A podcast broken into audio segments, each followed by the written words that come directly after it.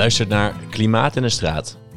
Mijn naam is Sjoerd en in deze podcast onderzoek ik hoe het klimaat een gemeente verandert. Mijn eigen gemeente, wel te verstaan. Ik woon in het Gelderse Oosterbeek, een dorp aan de rand van de Veluwe. In deze aflevering ga ik in gesprek over water, of beter gezegd, het tekort daaraan. We hebben een hete zomer achter de rug met weinig regen. Bomen gingen dood, grasmatten werden geel en beken stonden droog. De zomer is inmiddels voorbij en het water komt weer met bakken uit de hemel. Maar dat wil niet zeggen dat de problemen ook voorbij zijn. In de toekomst krijgen we nog meer droge zomers voor de kiezen. Zijn we daar wel op voorbereid? Om die vraag te beantwoorden ga ik in gesprek met dorpsgenoot en ecohydroloog Flip Witte. We hebben afgesproken bij de Gielebeek. Deze eindigt aan de rand van ons dorp in de Uiterwaarden, op een steenworp afstand van de Rijn. Flip, leuk je te spreken. Jij bent ecohydroloog. Ja. Wat, uh, wat is dat precies? Zo noem, ik mezelf. Een ecohydroloog. Ja, daar kan je over discussiëren wat dat nou precies is. Maar dat is iemand die de relatie, de samenhang uh, onderzoekt tussen water en natuur. En uh, bij mij specifiek op wat doet het waterbeheer en grondwaterstroming en neerslag en verdamping met uh, de verschijning van planten en plantengemeenschappen in het landschap. Maar ik hou me ook bezig met wat doet de, doet de vegetatie met de verdamping. En daarmee ook met de aanvulling van regenwater naar het grondwater. Je hebt 15 jaar gewerkt aan de Landbouwuniversiteit. Je hebt verschillende onderzoeksfuncties gehad. Je was bijzonder hoogleraar aan de Vrije Universiteit. Ja. Ja, nu werk je nog steeds als, uh, als onderzoeker. En dat niet alleen. Je bent nu ook voorzitter van de vereniging Vijf Dorpen in het Groen. Je bent adviseur voor de Stichting voor Behoud van Veluwse Sprengen. Uh, je geeft advies voor het behoud van een heemtuin. Dat is nog een flinke, flinke lijst met uh, activiteiten. ja, dat klopt ja, het hangt allemaal samen, dus dat, dat, dat gaat moeiteloos in elkaar over. Ja, we gaan het vandaag hebben over uh, water en uh, de relatie met klimaatverandering. Klimaatverandering, is dat een thema waar je, waar je veel aan denkt? nou ja, ik denk daar niet dagelijks aan, maar het is, daar ben ik al lang mee bezig. Met wat, wat gaat dat doen met de natuur? Gaat die natuur veranderen? En wat gaat het doen met de waterhuishouding? Dus ja, eigenlijk de vraag moet andersom. Eerst, wat doet het met de waterhuishouding? En vervolgens, wat doet dat met de natuur? We hebben een hele droge zomer achter de rug. Ja, uh, ja goed, we zijn, we zijn dorpsgenoten. Uh, we ja. hebben allemaal hetzelfde gezien om ons heen. De bladeren die van de bomen vallen, ja. gele grasmatten, noem maar op. Wat, wat, heb je nog meer gemerkt afgelopen zomer van die, van die droogte? Nou, wat ik zie, dat er bepaalde planten heel erg oprukken. Dat vind ik wel interessant. Ik heb een, een, een tuin, een moestuin. En uh, je ziet daar een heleboel uh, grassen als handjesgras, uh, groene naaldaar. Een heleboel mensen zegt dat niks, tenzij je er last van hebt. massaal ook melden. En die grassen, dat zijn planten die heel zuinig omgaan met water. Dat zijn zogenaamde C4-planten. mais is ook een C4-plant. Die kunnen, zijn beter bestand tegen droogte. Dus ik denk dat dat met klimaatverandering te maken heeft. Dat kan je gewoon zien op de straat allerlei eh, planten die daar verschijnen, die uh, reageren waarschijnlijk op uh, de toegenomen droogte. Ja, dus ik zag vooral heel veel dingen doodgaan, maar jij hebt allerlei nieuwe dingen zien, zien opkomen hier in het dorp. Nee, er is ook inderdaad heel veel doodgegaan. Uh, dode grasmatten, oogsten die mislukken. En in de natuur hoogvenen die droogvallen. En een heleboel effecten van die droogte, die zie je nu nog niet meteen. Kijk, als een beek droog valt of een vent, dat zie je meteen. Maar... Uh, effecten op uh, bijvoorbeeld soortenrijke graslanden. Die effecten st uh, die stralen uit naar de komende jaren. Die, die, ga je pas in de komende jaren zien. Dus veel geleidelijker. Ja. Het eilt na. Je hebt me meegenomen naar de Gielebeek, die ik net, ja. uh, net noemde. Waarom, waarom staan we hier? Nou, we krijgen een ander klimaat.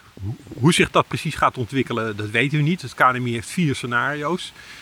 En het lijkt erop, uh, als je de afgelopen jaren ziet, dat een van de ergste scenario's zich aan het ontwikkelen is. Namelijk het WH-scenario. Dat is een scenario waarin je veel drogere zomers krijgt. Uh, we krijgen overigens meer neerslag in de winter. Dus op jaarbasis valt er meer neerslag. Maar de verdeling is heel anders. Droger zomer, natter in de winter. Maar uh, naast die klimaatverandering hebben we ook dat mensen bewust of onbewust in de waterhuishouding hebben zitten rommelen. En dat gebeurt al heel lang. Dus Nederland is al, heel, al eeuwen bezig met ontwateren. En uh, waarom deze beek zo interessant is, Eh, om, om, om twee redenen. Allereerst eh, zie je dat die beek die voert water af. Ik heb daar vroeger wel eens aan gemeten. Dat was 5 liter per seconde. En uh, nou weten we dat hier een watermolen heeft gestaan. Uh, hier op deze plek waar we waar nu staan? Ja, dus de molen van Hooyer. Er is een tekening van Maria Vos uit 1856. En die zie je een molen met een rad van 3 meter, schat ik.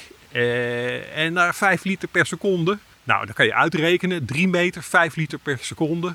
Dan kom je op 150 watt. wat zo'n molen geleefd kan hebben maximaal, maar de hele energie gaat verloren. Dus laat het 75 watt zijn geweest. Dan kan je een gloeilampje omdraaien. Dus de huidige afvoer matcht niet met dat beeld van die molen. Dus er is iets veranderd. Dus je weet, vroeger heeft, en daar hebben we ook onderzoek naar gedaan. Uh, vroeger was de afvoer van de beken van de Veluwe was drie keer zo groot. In rond 1900 was het ongeveer drie keer zo groot. Dus er heeft veel meer water gestroomd door de beken. Ja, heel interessant. En ik ben ook heel benieuwd uh, hoe dat komt. Maar zullen we eerst even een stukje stroomopwaarts ja, lopen om de rest van de beek te bekijken? Ja.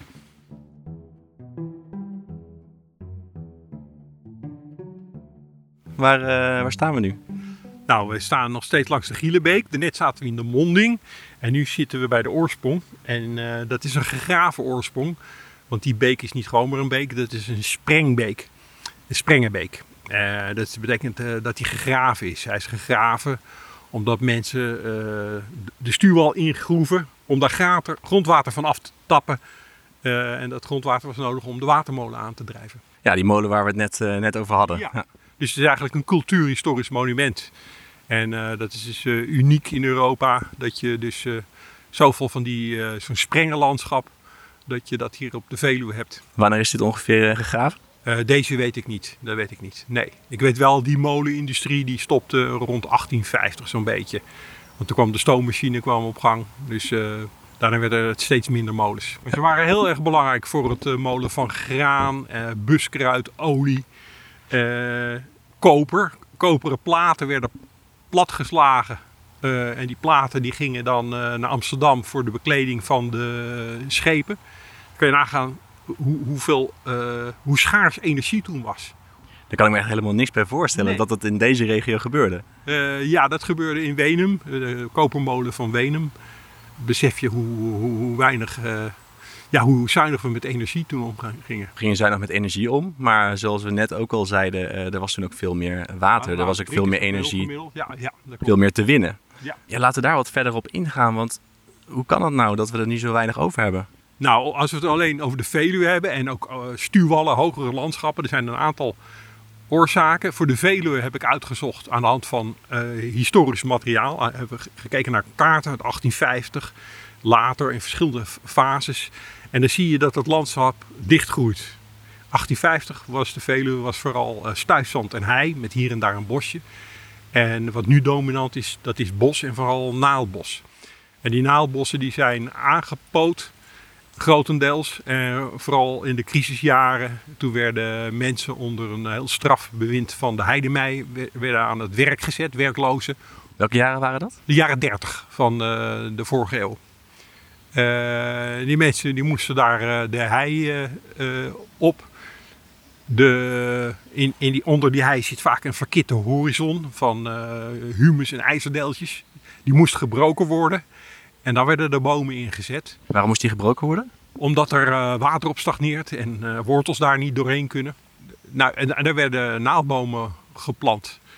De bedoeling was dat die naaldhouden bomen zouden dienen als stuthout voor de mijnbouw in Limburg.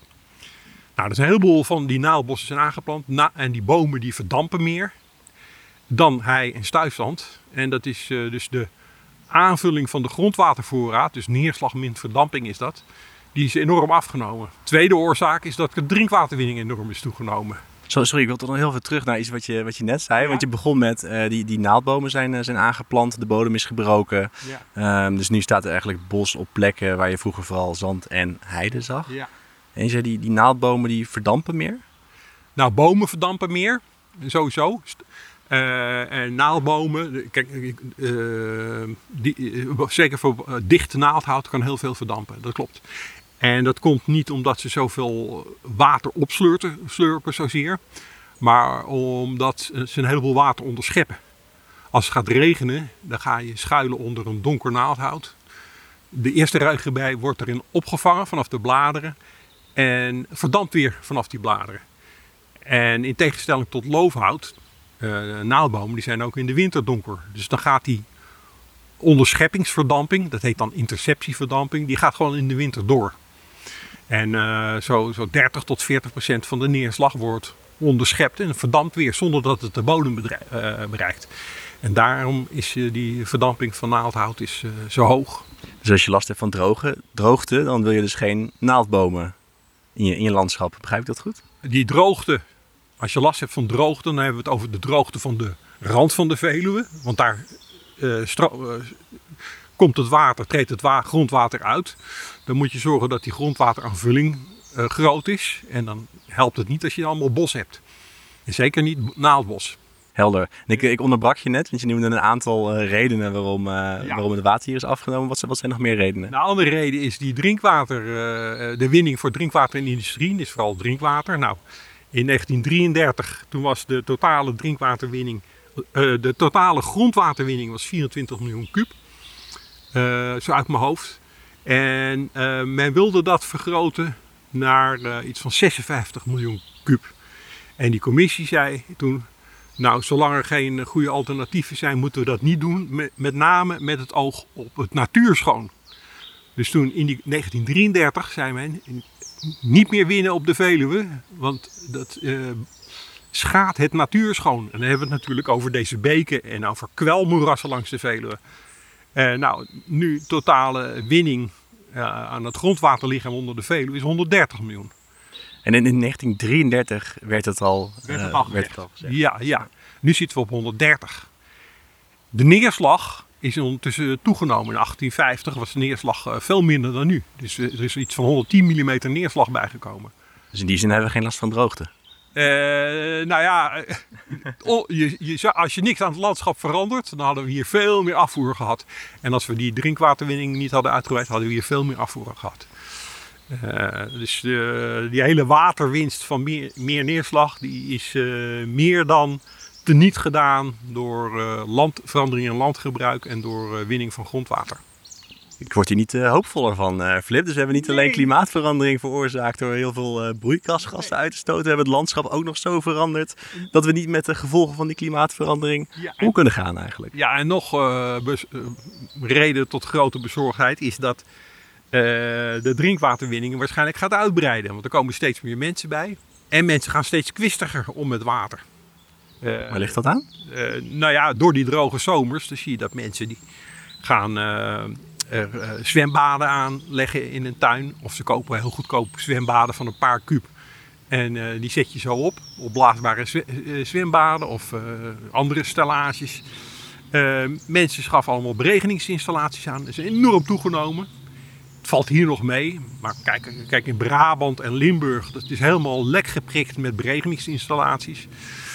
Uh, daar zit nu nog geen rem op. Hoe bedoel je lek geprikt? Dat mensen die grondwater daar op Ja, ik het lek geprikt. Er zijn overal uh, putten in de grond aangelegd. Dus uh, buizen in de grond gezet. Waarin ze grondwater oppompen om te beregenen. Er zijn allemaal particulieren die doen dat. Die, die, uh, maar ook uh, in de landbouw wordt massaal beregend. Een beetje installatie, beregeningsinstallatie, die uh, pompt in een uur weg. meer weg dan jij in een jaar aan leidingwater gebruikt.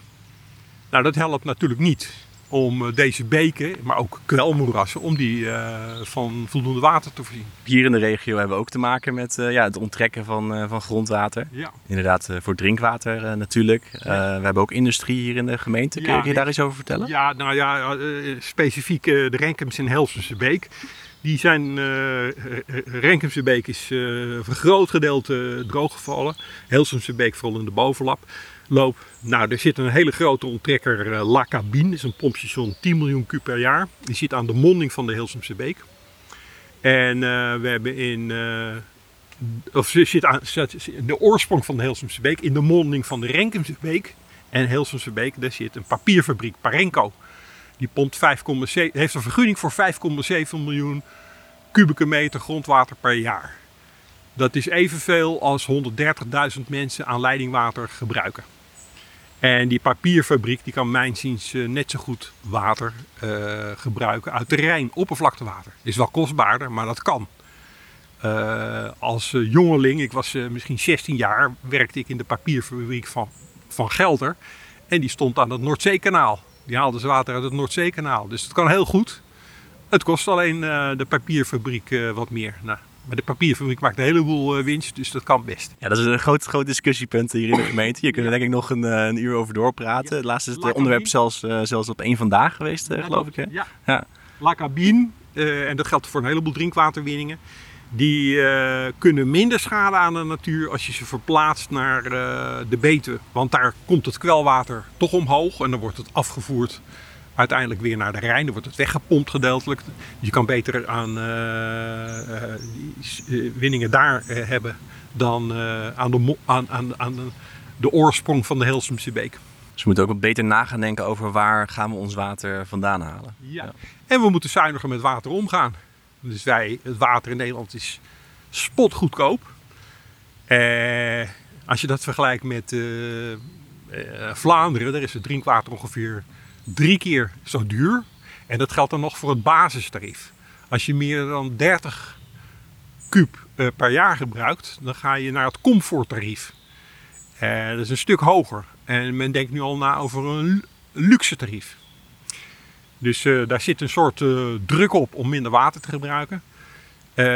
in de zomer is er verbod om tuinen te besproeien en te beregenen. Dan kan je een boete van 1600 euro krijgen als je dat toch doet. En bij alle nieuwbouwprojecten is het verplicht om waterkelders aan te leggen. Dus reservoirs in de ondergrond waar je water uit kan putten voor je tuin. En als je hier in, eh, in Oosterbeek, in ons dorp, om je heen kijkt, eh, heb jij het idee dat mensen zich ervan bewust zijn dat, uh, ja, dat ze zich op een andere manier moeten gaan gedragen als het op water aankomt? Uh, nee, nee. sommige mensen wel, maar een hoop mensen die. je ziet toch een heleboel hoge tegels in tuinen verdwijnen. Dat betekent als het gaat regenen, dan gaat het water naar het riool. En het water moet de grond indringen. Tegels verschijnen bedoel je? Uh, uh, verschijnen, ja. ja. Er worden veel, veel tegeltuinen aangelegd. Uh, je ziet ook beregeningsinstallaties. Dus nee, ik zie er nog geen waterbewustzijn. Ja. En wat, wat verliezen we als we dit gewoon op zijn beloop laten? dan gaan die beken nog meer droogvallen. En uh, kwelmoerassen. Je hebt hier bij de oorsprong heb je een stukje met een heleboel uh, mooie vegetatie. Met onder andere orchideeën en ja, verschillende uh, planten. Dat gaat dan droogvallen en, en verruigen. Het begint is een beetje te regenen geloof ik. We staan wel onder de, onder de bomen. Dus laten we even kijken. Oh, onder een naaldboom gaan staan. Hoe, ja. onder een naaldboom gaan staan, ja. Die hebben we hier niet geloof ik hè? Ja, het is hier wel prachtig trouwens hè. Ja, dit is een hele mooie plek inderdaad. Ja, de, de, luisteraars die zien het niet. misschien moeten we even omschrijven waar we, ja, waar we eigenlijk staan. Nou, je, je ziet hier dus de sprengkop van de Gielebeek. En uh, niet, op niet veel plekken in Nederland kan je dat zo zien. Je, je ziet hier gewoon het grondwater omhoog borrelen. Dat grondwater, dat is dus, uh, ja, die neerslag minder verdamping, die is, heeft, die is naar beneden gecijpeld door de bodem. Is bij het grondwater terechtgekomen en dat grondwater dat stroomt dan hier weer uit. Het meeste van dat water, trouwens van die Veluwe, dat is, dat is prachtig water. Dat is drinkwater. We hebben eigenlijk hier van de Veluwe ongeveer het mooiste water ter wereld. Dus je hoeft ook geen water uit de flessen te kopen. Je kan gewoon dit water kan je drinken. In principe zou ik nu een glas kunnen pakken en uh, wat op kunnen scheppen en uh, met mijn dorst kunnen lessen in de Gielebeek. Ik zou dat. dan, dan uh, komt er nog een ander verhaal. Don't try this at home. Nee, dit moet je, moet je niet doen. Maar het diepere grondwater, dat is heel schoon. Dit water is erg beïnvloed door waarschijnlijk lekkende riolen en zo. Hier zit wel veel nitraat in, uh, te veel. Eh, ik zou dit hier niet drinken. Ja, goede, goede waarschuwing. Ja, ja. is, is dit eigenlijk, eh, die beek waar we nu staan, is dit eigenlijk een goede graadmeter voor hoe wij met, met water omgaan? Nou, in deze beek niet zo, want die blijft stromen en hij reageert heel traag. Stel dat we nog meer droge jaren krijgen, dan kan het zijn dat deze beek ook gaat droogvallen. En dan ook jarenlang droog blijft, omdat hij traag reageert. He, dus er zit een heel groot reservoir achter. En, uh, maar je kan het wel zien in de, de Renkumse beek. Daar zie je hoe we met water omgaan. Er is uh, voor 40 miljoen is er uitgegeven om daar fabrieken weg te krijgen. Hè? Plan Hert aan de Rijn. Dus die, die, die hele Renkumse beekdal moest een ecologische corridor worden.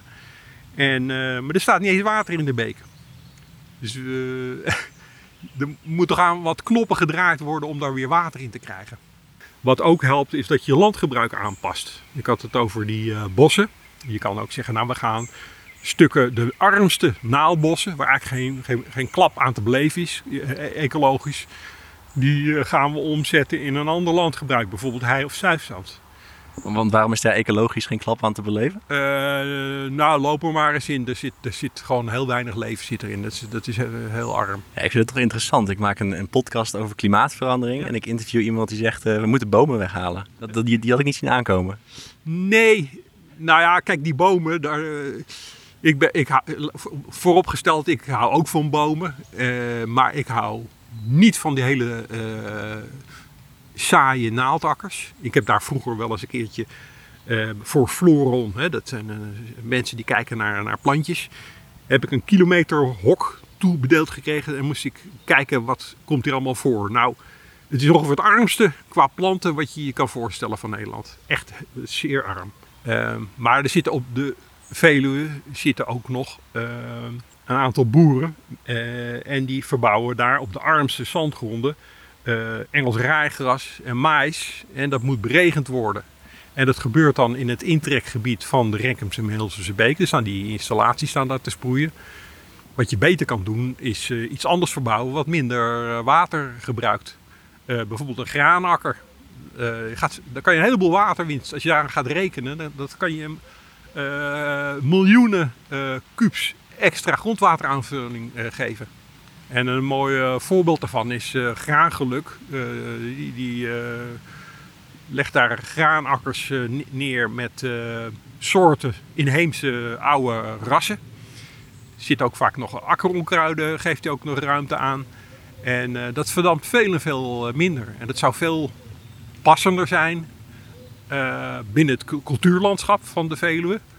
Maar het zou ook een enorme waterwinst kunnen opleveren. Als je dat niet doet, dan zou je bijvoorbeeld in de toekomst uh, Rijn- of IJsselmeerwater uh, moeten uh, infiltreren in de Veluwe.